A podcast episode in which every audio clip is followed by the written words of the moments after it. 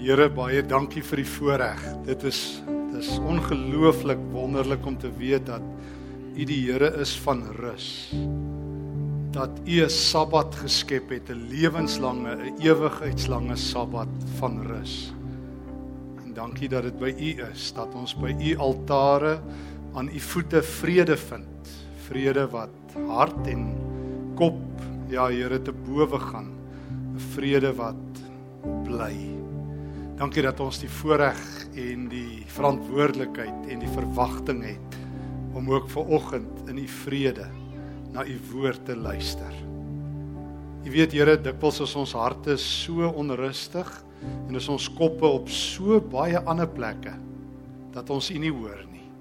Help, maak ons ore goed oop. Dankie dat u sommer by voorbaat al ons land, ons hart se landerye omgeploeg het en dat daar goeie saad vanuit die woord uit op pad is. Dankie dat ons dit kan indrink soos reën. Praat met ons elkeen in die naam van ons goeie Here, ons verlosser Jesus Christus. Amen.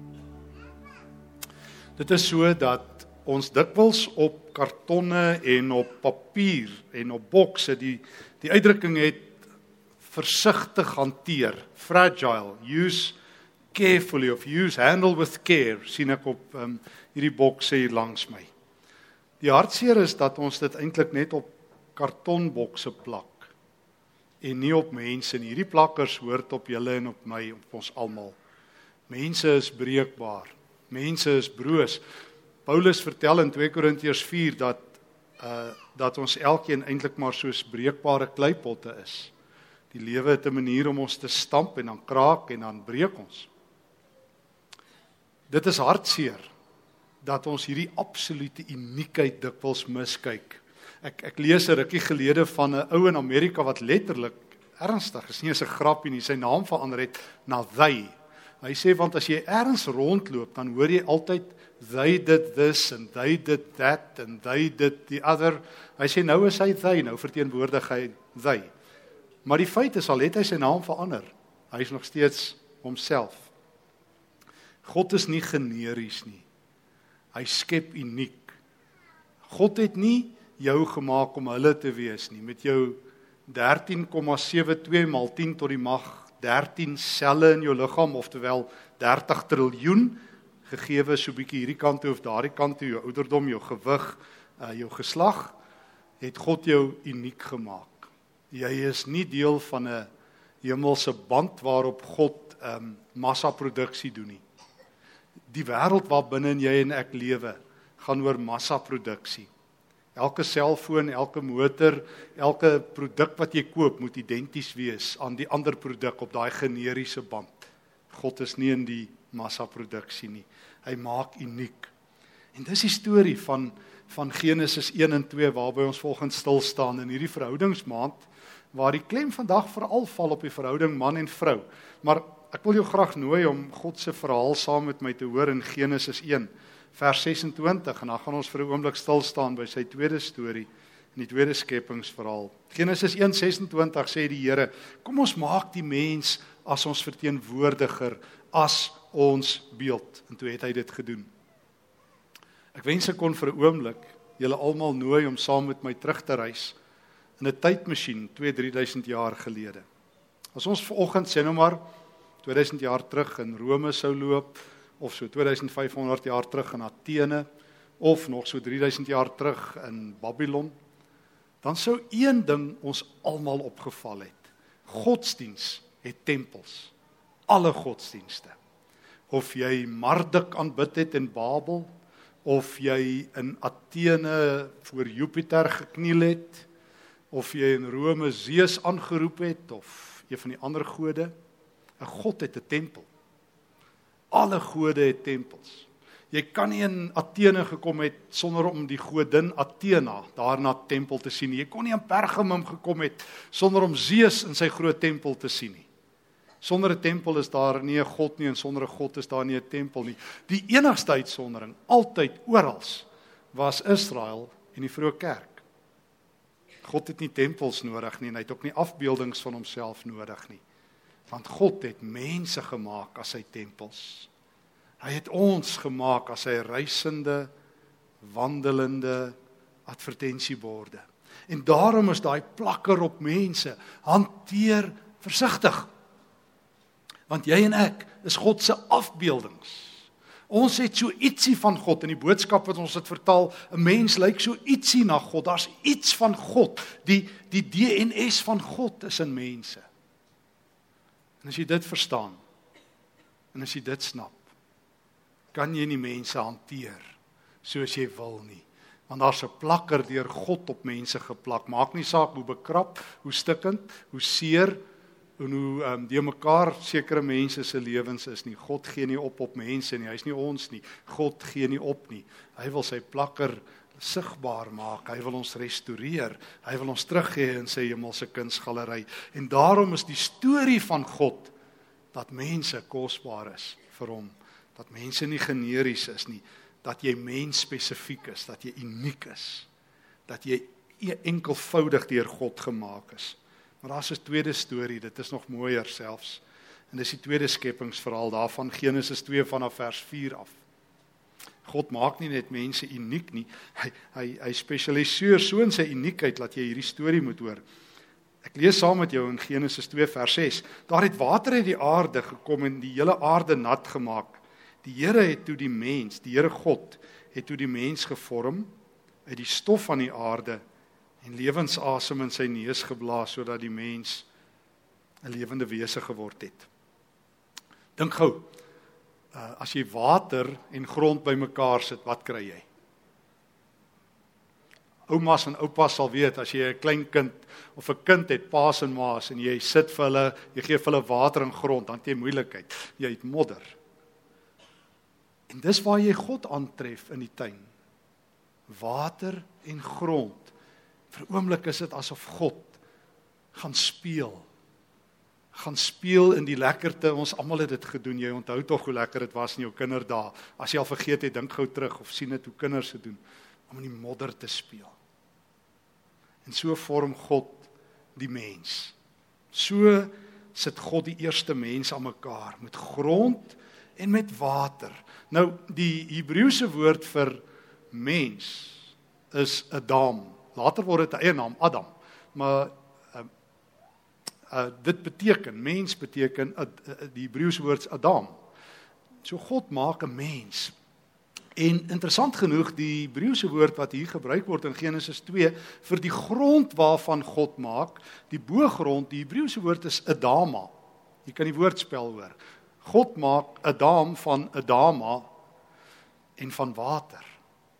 En ja, nog 'n nog 'n stukkie en toe blaas God sy asem Anderster was die mens later genoem die man net vir die dames onthalwe. So jy kom agter, eh, die mans moet nie nou luister nie. Mans is maar nie van die beste materiaal gemaak moontlik nie. Dis bo grond, water, God dank, God se asem. So daaroor moet mens bly wees. Maar goed, terug nou kan die mans luister.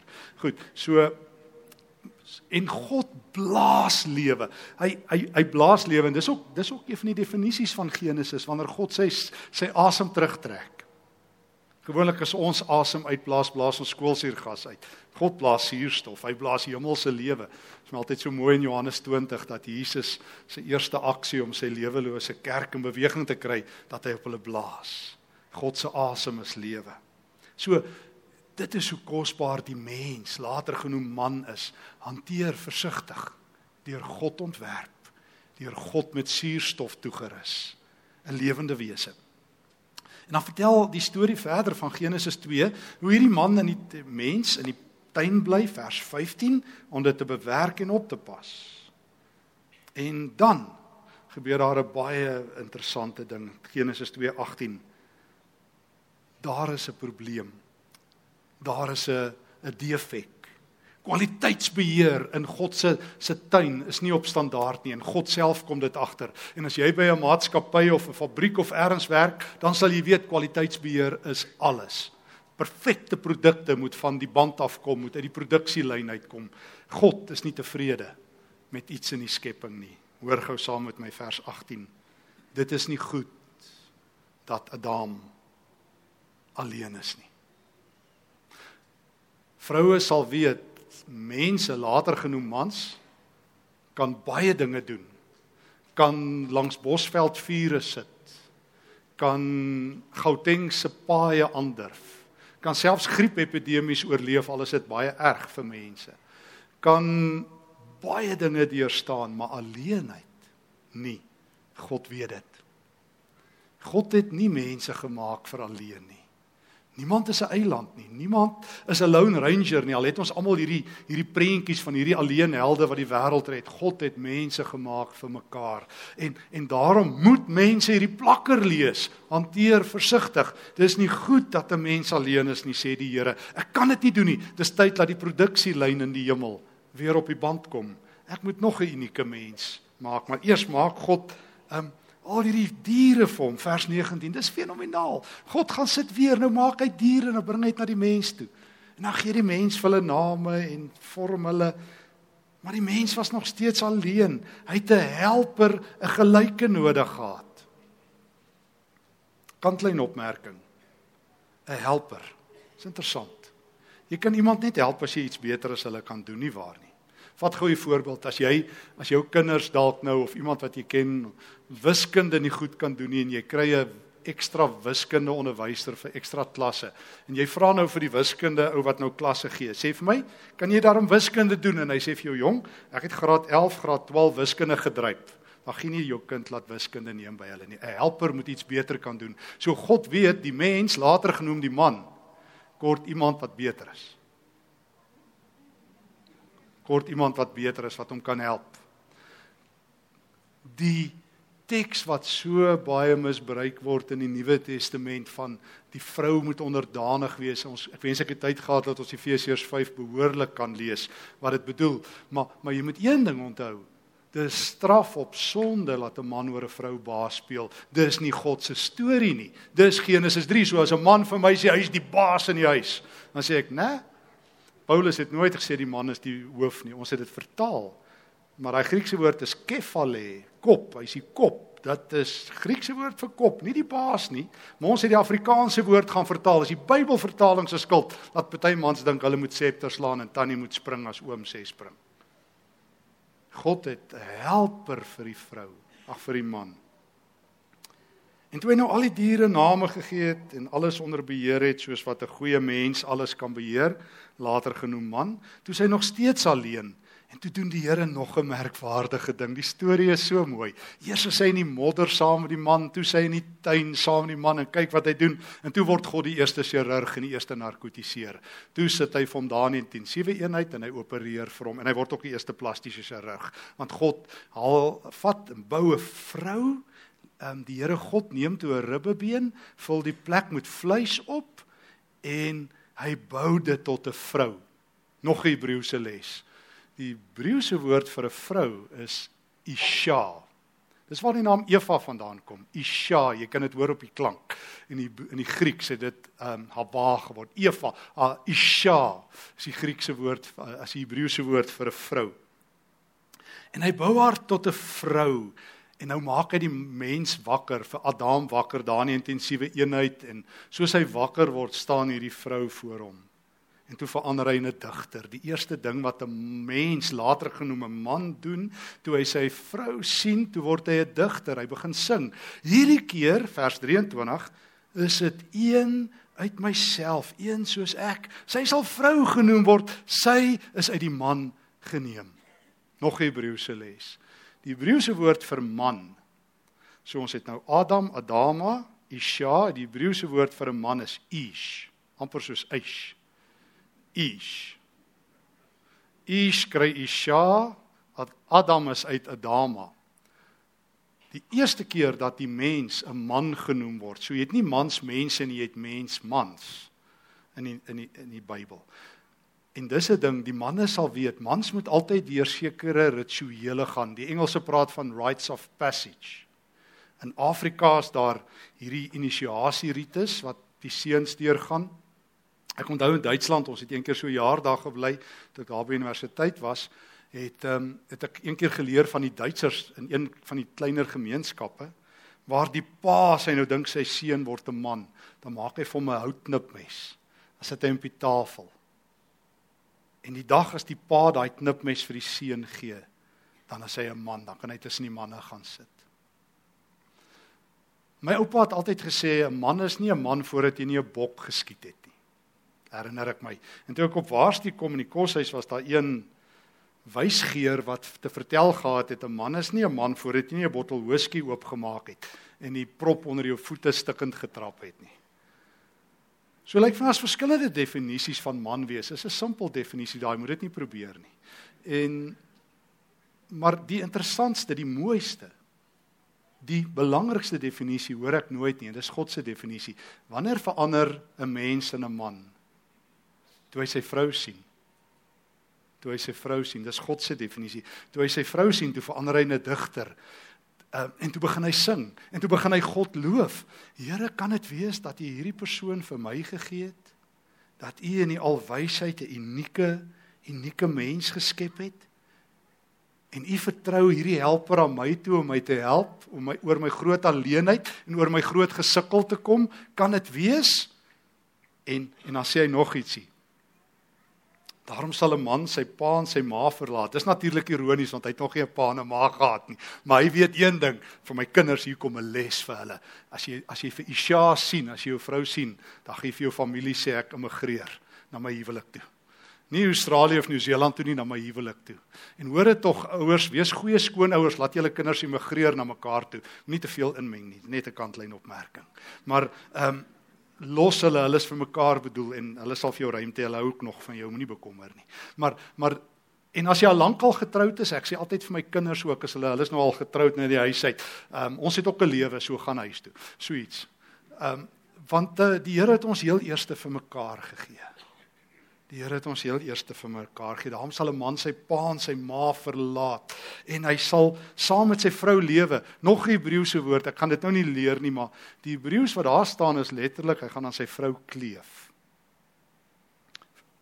Ek het dit nogal verstaan toe 'n vriend van my jare terug het hulle een aand was hy weer swaar en hulle ou klein seentjie kom kom kruip daar by hulle in die bed in en toe die donder weer nou bedaar, sê sy vrou vir die ou seentjie, hy moet nou terug gaan kamer toe. Hy sê Maar ek is bang. Ek wil hier by mamma al slaap. Hy sê nee, maar jy's nou 'n groot man, jy moet bed toe. Terug gaan na jou kamer toe. Hy sê mamma, maar pappa slaap dan by jou. Hoekom mag ek nie? En nou sy skop vas en daar stap jy ouetjie uit nou. En nou sê hierdie vriend vir my toe, daai seentjie so by die deur staan, toe kyk hy so terug en hy sê vir sy pa, "Jy's aan my sussie, né?" Maar vriende, dis die waarheid. As jy regtig die Here se woord verstaan, dan sal jy aan jou vrou vaskleef. Die Hebreëse woord vaskleef. Nou, ek het so 'n ou beersie daar by die huis. Hy hy het velcro. Jy kan hoor hy. Jy kan hom so hoor. Jy ken velcro. Velcro is kleefgoeters. Dis dis die teenoorgestelde as teflon. As jy nou 'n teflon pan het en jy maak kos, alles val af van teflon. Maar aan velcro kleef alles.